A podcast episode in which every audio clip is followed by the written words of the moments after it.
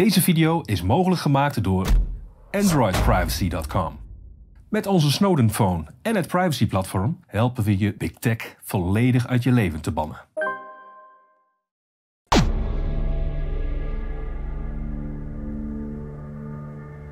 Welkom bij een nieuwe aflevering van Café Weltschmerz.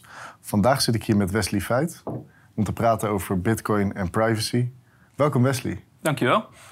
Wesley, vertel. Wat, wie ben je? Ja. Wat kom je doen? En waarom is privacy belangrijk? Ja, de meeste mensen, de mensen die uh, mij eerder gezien hebben van Weltschmerz, die, die weten dat ik me bezighoud met privacy inderdaad. Uh, maar dan niet zozeer uh, de kant van Bitcoin. Daar ben ik wel mee bezig, daar gaan we het zo over hebben. Maar zij kennen mij meer van de Snowden phones. Dus ik help mensen met Google uit hun leven te halen, Big Tech uit hun leven te halen. En een zo privacyvriendelijk mogelijk digitaal leven te kunnen leiden. Um, daarnaast heb ik dus nog een andere interesse. En dat is uh, economie. Dat is eigenlijk wel sinds, uh, ja, vroeger, een jaar of tien geleden, las ik al de boeken van Willem Middelkoop. En kwam ik inderdaad achter dat ons financieel systeem niet is, helemaal is wat het lijkt. En van daaruit geïnteresseerd geraakt in bitcoin. Ik kocht mijn eerste bitcoin voor uit mijn hoofd 400 euro, geloof ik. Dus ik was redelijk op tijd bij. Toen weggelegd, tijdje niet naar gekeken. En toen de 2017 boelmarkt begon, toen uh, ben ik meer in gaan verdiepen. Ook meer naar alts gaan kijken. En uh, eigenlijk op een gegeven moment ook gaan focussen op...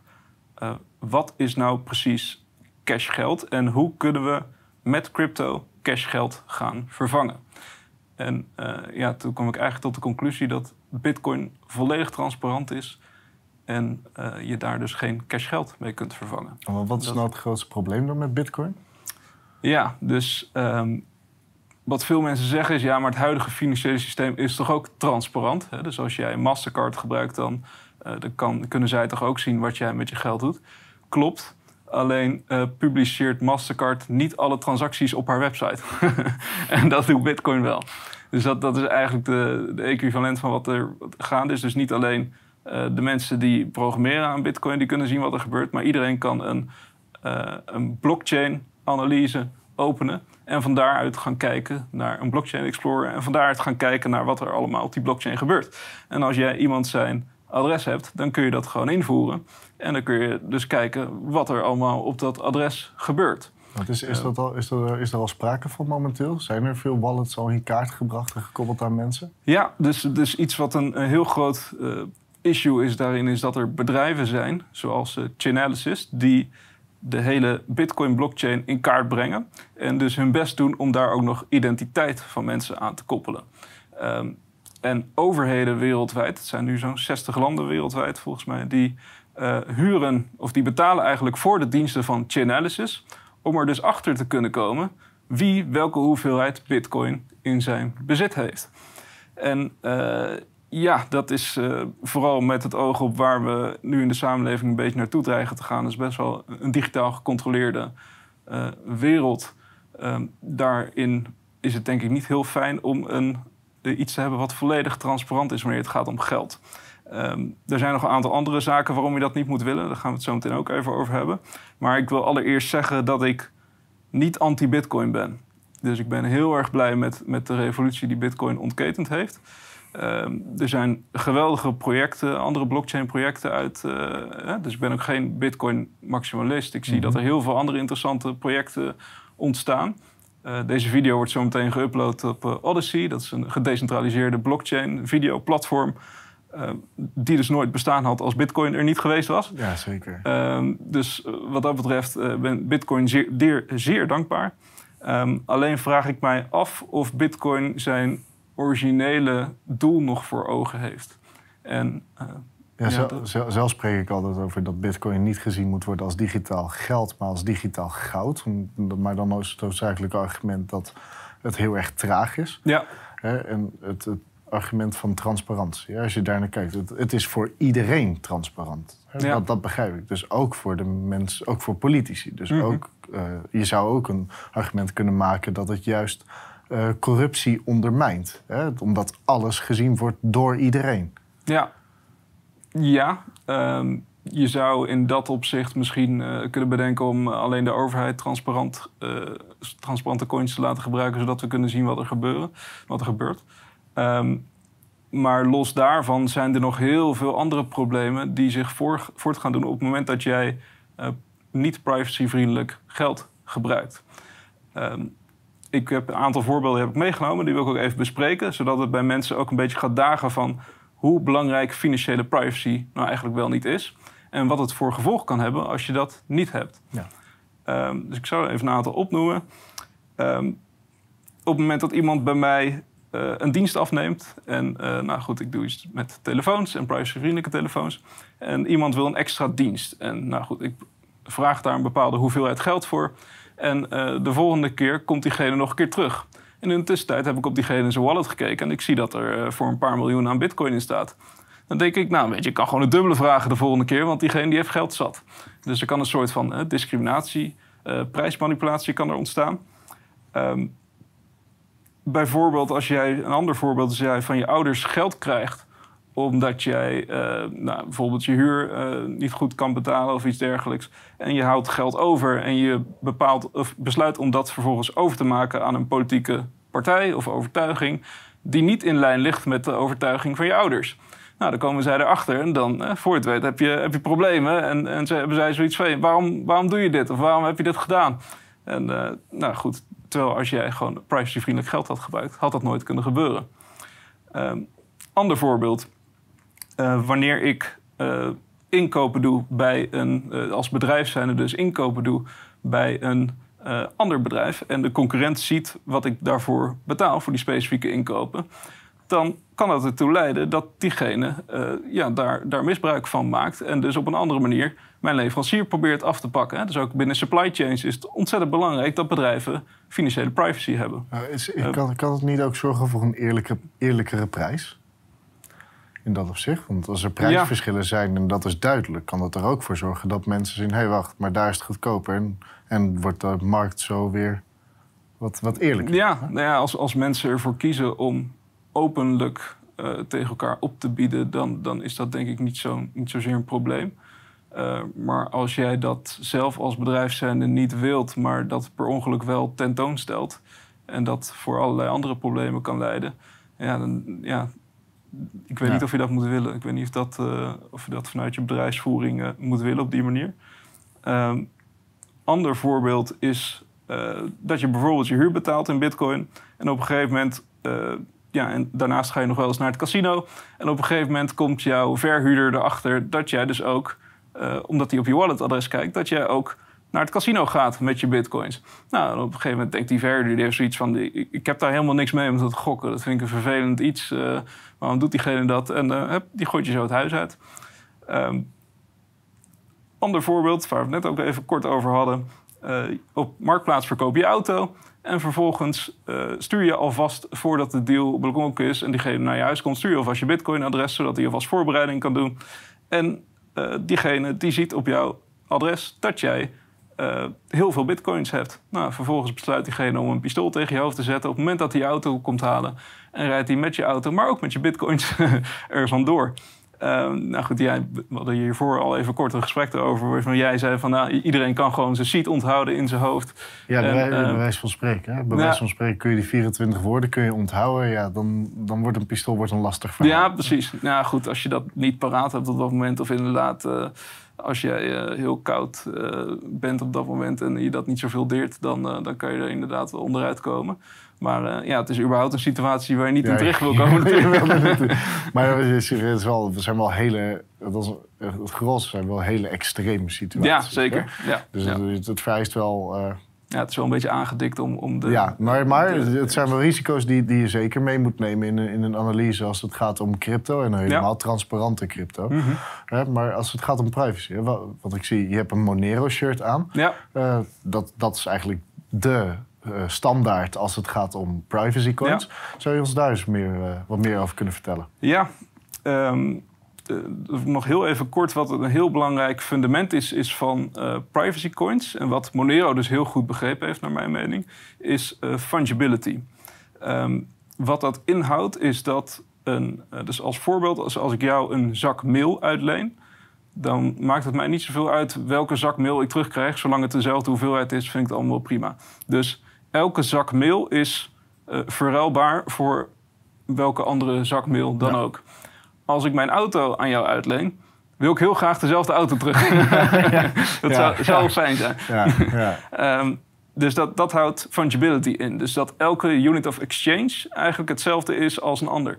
Op het moment dat je dus geen privacy hebt en er een transactiegeschiedenis aanhangt, dan uh, weet je dus waar die bitcoin daarvoor is geweest, wat dus tot fungibility problemen kan leiden. Want op het moment dat hij uh, nou, drie, vier transacties geleden met uh, de maffia in contact is geweest, mm -hmm. of bij een exchange hack bijvoorbeeld ja, buiten is gemaakt, dan kan het zomaar zo zijn dat andere exchanges op een gegeven moment zeggen van hé, hey, wij zien dat jouw bitcoin een paar transacties geleden daarmee in aanraking is geweest. We accepteren dit niet meer.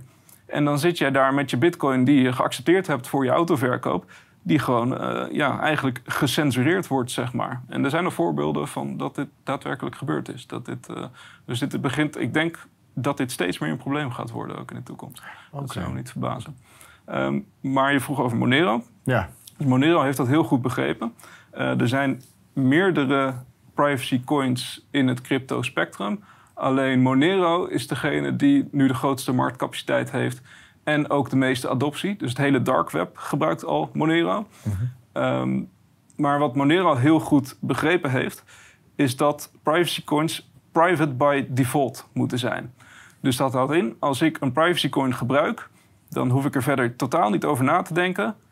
Hij is privacyvriendelijk. Dus ik hoef er geen extra actie voor te ondernemen. Ik hoef het alleen maar van mijn wallet naar jouw wallet te sturen. En op dat moment is de transactie privacyvriendelijk. Ja, er zijn namelijk coins zoals Zcash, uh, die hebben optionele privacy ingebouwd. Ja, ja, met Zcash Snarks inderdaad. Ja, en wat daar het probleem van is, is dat wanneer je die chain gaat analyseren, dat een uh, groot deel van uh, de transacties niet privacyvriendelijk zijn. Omdat mensen die switch niet aanzetten. Dus je moet zelf actief de switch aanzetten voordat je die Zcash Snarks encryptie gebruikt. Omdat mensen dat niet doen, komt dat eigenlijk, gaat het ook weer ten koste van de hoeveelheid privacy van de rest van het netwerk.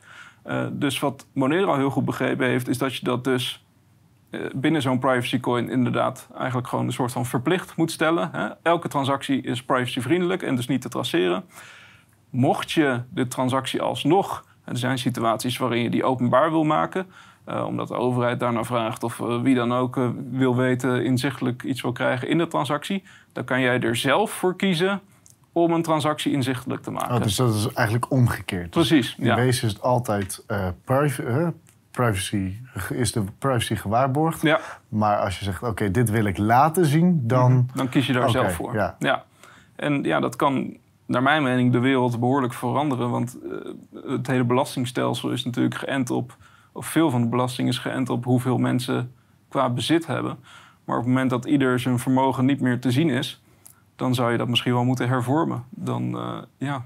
Maar, als, als je, maar dat is dan toch ook wel een risico, denk ik. Hè? Want uh, als, je, als je die benadering hebt van dat, dat het standaard, uh, dat de privacy behouden wordt, dan kunnen overheden dat toch ook verbieden? Of, of, of moet ik dat anders zien? Ja, nou ja, goed. Dat, wat je vaak in de geschiedenis ziet, is op het moment dat overheden zaken proberen te verbieden, dat het vaak wat groter wordt omdat mensen juist denken van... hé, hey, waarom wordt dit verboden en dit is interessant. Maar ik heb er veel over nagedacht wat ze er tegen zouden kunnen doen. Maar zoals, ja, je bent zelf ook bekend met blockchain-technologie. Ja, ja, ja, zeker. Um, de, de hele gedecentraliseerde structuur ervan... zorgt er eigenlijk voor dat het over duizenden, tienduizenden computers wereldwijd verspreid is. Waardoor je niet uh, ergens naar binnen kan lopen en de server kapot kan schieten, bij wijze van spreken. Nee, nee dus, dat heeft geen zin. Nee, nee, dus wat je, je zou kunnen zeggen dat, dat, uh, dat het gewoon niet meer mag. Maar hoe ga je dat handhaven? Dat, dat, uh... Ze zouden de fiat on-ramps en off-ramps ze kapot kunnen maken. Hè? Dus je, ja. dat je niet meer kan inwisselen. Dat je. Monero niet meer kan ruilen voor fiat geld. Ja, maar dan heb je, dat, dat zou je dat voor de hele crypto community... of voor het hele crypto wereld moeten doen. Want Monero kan je natuurlijk wel gewoon voor Bitcoin omwisselen. Ja. Um, en dat is ook één ding, ontwikkeling die binnen Monero heel belangrijk is. Dat zijn atomic swaps. En wat dat eigenlijk inhoudt, is dat je off-chain, dus of zonder exchange, sorry, Mhm. kan je Monero swappen voor Bitcoin. volledig gedecentraliseerd. Dus daar is niet op het moment dat dat is al geïmplementeerd. Uh, dat wordt nog steeds veel gebruiksvriendelijk gemaakt op dit moment. Maar uh, dan kun je dus, dan heb je geen exchange meer nodig om Monero te kunnen verwisselen voor Bitcoin. En dat is een enorm groot ding. Want dan kun je dus niet exchanges onder druk gaan zetten om uh, die coin te gaan bannen. Wat wel al bij sommige exchanges gebeurd is. Ja, Binance bijvoorbeeld, ja, die heeft Monero er, Bittrex hebben, hebben Monero eruit gehaald. Ja. Dan kan je geen Monero meer verhandelen. Ja. Natuurlijk zijn er wel kleine exchanges hè, ook die, die nog geen KYC handhaven. Ja, zeker. Dus waar, waar dat dan nog wel mogelijk is. Mhm. Maar ja, als dat zo werkt. Dus, dus zo'n atomic swap, hè, zou je dat dan ook kunnen vergelijken met een Uniswap? Zo'n zo'n decentralized exchange? Of zit er nog een groot, groot verschil tussen? Ja, ik denk dat het wel redelijk inderdaad te vergelijken is. Qua achterliggende technologie durf ik niet te zeggen of het één op één uh, gelijk is. Dat denk ik niet. Omdat door uh, de privacy-eigenschappen van Monero uh, maakt het technologisch ook veel ingewikkelder om dat soort oplossingen te implementeren. Alleen, ja, bij Uniswap is het gewoon, je, kan, je gaat direct naar de website en je swapt het binnen een handomdraai zonder KYC ook, hè? voor zover ik weet. Ik heb het niet heel vaak Ja, nee, je, dat is, je, je koppelt je MetaMask, hè? Die, die koppel je aan de Uniswap en dan kun je één op één je tokens inwisselen. Ja, precies. Alleen is dat vooral met de, met de reguliere chains, zoals Bitcoin, Bitcoin, Bitcoin niet eens, Ethereum. Ja, het zijn wel, vooral uh, Ethereum. Ja, Ethereum, Avalanche, uh, Polygon, die, die, chains die zijn erop aangesloten. Okay. Maar Bitcoin is, is toch wel een ja, vreemde eend in de bijt in ja. opzicht. Monero hetzelfde. Dus mm -hmm. uh, dat, wat jij vertelt is voor mij ook nieuwe informatie. Ja, hoe ver ze daarmee zijn. Ja. voor mij was altijd het grote risico met privacy coins dat, dat vooral, hè, dat overheden het verbieden en die, die off-ramps eraf halen. Waardoor het toch steeds moeilijker wordt om uh, te gebruiken. Ja. Natuurlijk zou altijd OTC, dus over de counter met personen om kunnen ruilen voor fiat geld. Mm -hmm. Maar hoe lang dat stand houdt, uh, is natuurlijk ook weer een tweede. Ja, dus je hebt uh, bijvoorbeeld ook een website, Local Monero. En dat is eigenlijk gewoon een, ehm, een soort marktplaats voor Monero. Dus jij zegt gewoon net, nou, ik wil Monero kopen voor deze prijs. Uh, en dan komt er een aanbieder aan die zegt, nou, ik heb Monero en hier is mijn bankrekening. En het grote voordeel daarvan is dat jouw bankrekening nooit te koppelen is aan Monero. Ja. Dus op het moment dat je dat via die weg doet, lijkt het gewoon op een transactie die je dus naar een individu doet. Uh, via gewoon een SEPA-overschrijving. Mhm. En op het moment dat je dat doet, dan krijg je dus die Monero gewoon naar jou toegestuurd. Volledig privacyvriendelijk. En dat is ook eigenlijk de meest privacyvriendelijke manier om Monero te kunnen bemachtigen. Um, want alle andere wegen moeten via Bitcoin. Ja, of, of, via bepaalde exchanges. Want sommigen bieden het dan nog wel aan. Dan moet je zo'n KYC-procedure ja, door. En dan... Ja, klopt. Nee, dat is voor veel mensen inderdaad dat is wel belangrijke informatie. Op het moment dat je bij een gecentraliseerde exchange met KYC uh, eh, je coins koopt of je bitcoin koopt, uh, over grote deels van de coins is transparant. Uh, dus op het moment dat jij geen privacy coin gebruikt, dan, ja, dan is dat een, kan dat een probleem wellicht worden in de toekomst. Ja. Um, dus waar we het ook over gehad hebben, is op het moment dat je naar het verleden kijkt, dan zijn er hele heftige voorbeelden geweest in de geschiedenis waarbij goud geconfiskeerd is bij mensen. Uh, onder het mom van we moeten het financiële systeem redden. Hè? Dus stonden ze op een gegeven moment stonden voor je deur. Hey, meneer, het financiële systeem is ingestort, we komen uw goud ophalen. Ja, ja goed, als jij zometeen uh, in transparante coins zit en dus iedereen kan weten wat jij hebt dan uh, kun je ook in dat soort situaties... Natuurlijk een extreem voorbeeld, maar ja, het is niet uitgezonderd dat dat... Ja, we leven, niet, we leven niet in tijden waarin je kan spreken dat het allemaal uh, welletjes gaat nee, met de economie. Nee, dus, nee precies. Nee, inderdaad. Dus dat zou zomaar weer eens uh, zich kunnen voordoen. Dat zou me niet verbazen. Ja, inderdaad. inderdaad. Nee. Ja. Dus, nou ja, goed dat uh, heel belangrijk onderdeel, denk ik. En heel weinig mensen die het, die het überhaupt weten. Dus die zich er bewust van zijn. Ik, ik, denk toch vooral het aspect over waar, waar je het eventueel kan aanschaffen... en de manier waarop, dat dat wel heel belangrijk is. Ja. Natuurlijk zijn er ook mensen die geïnteresseerd zijn dan in, in het minen van Monero. Is, is, dat, is dat net zoals bij Bitcoin ook op dit moment al zo lastig geworden... dat, je, dat het eigenlijk onhaalbaar is? Of, of stel jij van, dat, dat is eigenlijk nog wel... Uh, ook nog iets wat mensen zouden kunnen doen? Kan je nog steeds doen. Um, goed dat je het aanhaalt, want uh, Monero heeft dus eigenlijk naar Bitcoin gekeken en gekeken van wat kan er beter om goed digitaal cash te worden. Um, en het minen is ook nog een heel belangrijk onderdeel wat beter gefine-tuned kon worden. Dus wat je bij Bitcoin ziet, bij Bitcoin in de begindagen van Bitcoin konden mensen gewoon met hun laptops en uh, gewoon normale apparatuur minen. Maar wat er op een gegeven moment gebeurd is, is dat er een overname is geweest van Essex. Dus dat zijn die grote kasten die je nu in al die mining farms ziet staan. Uh, hele dure apparatuur. Uh, waardoor uh, ja, mensen met veel geld grote mining farms hebben gebouwd. En dus bitcoin aan het minen zijn. Maar wat het tot gevolg heeft gehad, is dat de centralisatie... dus het moet een heel decentraal project zijn, bitcoin... maar het minen is juist heel gecentraliseerd geworden. En dat vindt zich grotendeels plaats in China juist in een regime waarvan je denkt... Niet de meest lekkere plek om met je miners te zitten. Nou goed, dat heeft ook tot problemen geleid even geleden. Um, maar daar heeft Monero naar gekeken en die, hebben daar, die zijn daar anders over gaan nadenken. Dus wat zij gedaan hebben, is zij hebben um, het gedecentraliseerd door miners als Essex miners, door die uit de algoritmes te verwijderen. Dus uh, ze, ze heet, dat heet RandomX. Dus zij veranderen het algoritme af en toe, het mining-algoritme, waardoor het voor Essex eigenlijk onmogelijk is om daarop te kunnen bijbenen. Maar wat juist weer de weg opent voor decentralisatie en mensen die gewoon vanaf hun laptop en vanaf hun normale computer gewoon nog kunnen minen. Okay. Uh, dus daardoor zie je juist dat het netwerk van Monero eigenlijk wereldwijd helemaal verspreid is. Uh, mining netwerk, terwijl het mining netwerk bij Bitcoin zich hoofdzakelijk in China bevindt. Ja, in China. Amerika is er nu ook heel erg mee bezig. Hè? Er zijn ook ja. uh, heel wat Ja, dus inderdaad, toen, na het gezeur in China is er veel naar Amerika verhuisd, geloof ja, ik. Ja. Hoewel de heatmap ook nu weer in China, hè? het is wel verboden, maar alsnog zie je dat het daar heel veel, uh, ja. nog steeds weer heel erg plaatsvindt, ja. minen. Ja, klopt inderdaad, ja. Dat laat, dat laat wel zien hoe erg ondermijnend deze technologie is. Ja. Wat, wat iets moois is, ja. mijn. Ja, ja zeker. Ja. Nee, ik denk dat hele proof-of-work algoritme...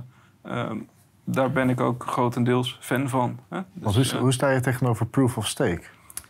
Ja, ik ben er niet heel groot fan van. En dat komt eigenlijk vooral doordat ik uh, mensen met veel vermogen in deze wereld niet geheel vertrouw.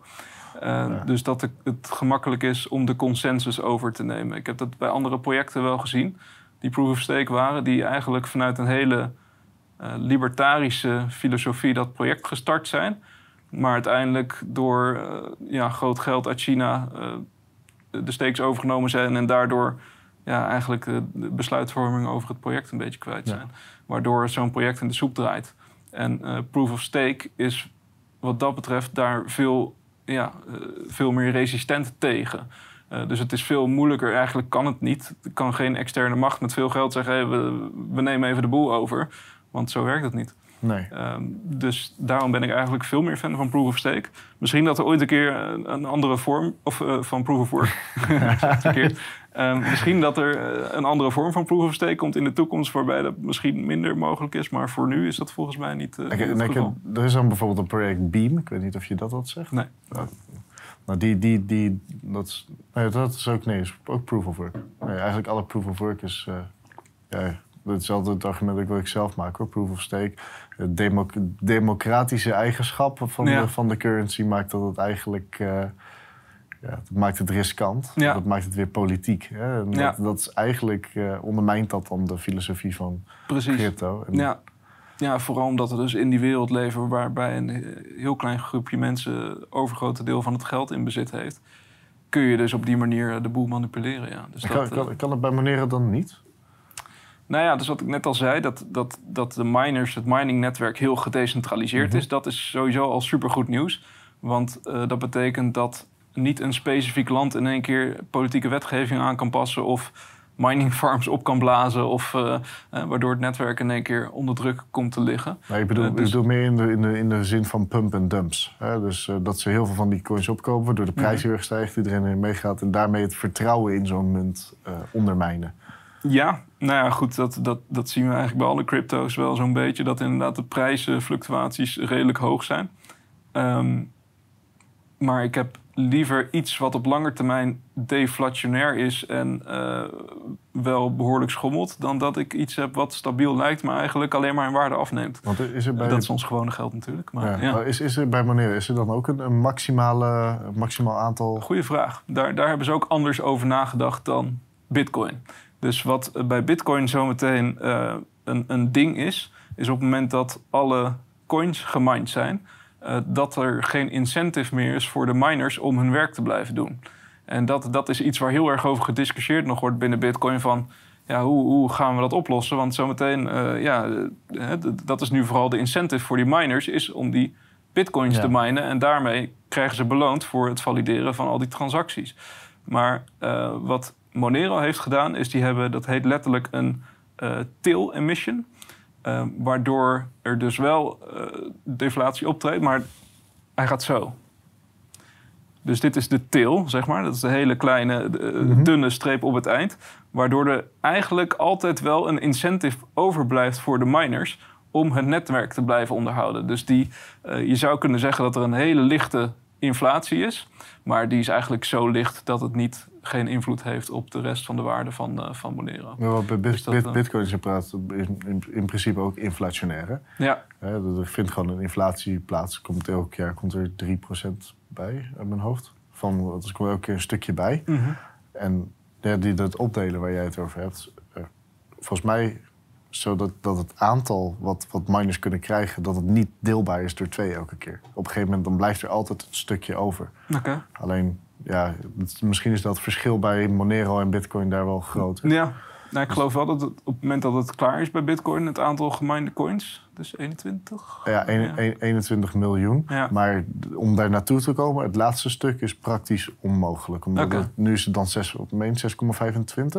Ja. ja, dat is niet meer, dat, als je dat deelt door twee, dan kom je uiteindelijk toch altijd uit op een getal achter de komma wat niet meer ja, ja, wat je op kan blijven delen. Maar dan is de vraag, wat, wat is een bitcoin dan waard hè, tegen precies. die tijd? Ja, Dus, nee, maar ik, ik snap wel, ik, denk dat de koppeling, en vooral het stukje wat je, wat je zojuist benoemt, hè, dat de mogelijkheid is om het om te zetten naar. Uh, een, dus dat je Monero echt als geld kan zien. Mm en Bitcoin dan als, als waardebehoud, hè, dus als digitaal goud. Ja. Ik denk dat dat wel een hele waardevolle boodschap is. Uh, ja, ja. ja ik, ik sta er zelf ook nog een beetje in dat ik denk van. Uh, zwaar, omdat ik net dat confiscatieverhaal mhm. aanhaalde.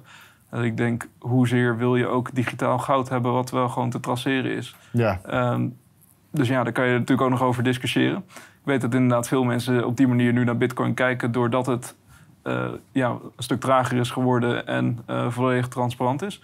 Maar uh, ja, ik vraag me heel erg af of er niet op een gegeven moment een volledige flippening komt, waardoor mensen überhaupt gewoon allemaal richting privacy coins vluchten. Vooral ook als ik kijk naar wat er in de wereld om ons heen gaande is. Ehm, maar ik denk dat het voor nu, ik zie hier heel weinig mensen over, over praten in Nederland überhaupt. Uh, de meeste mensen hebben het over Bitcoin.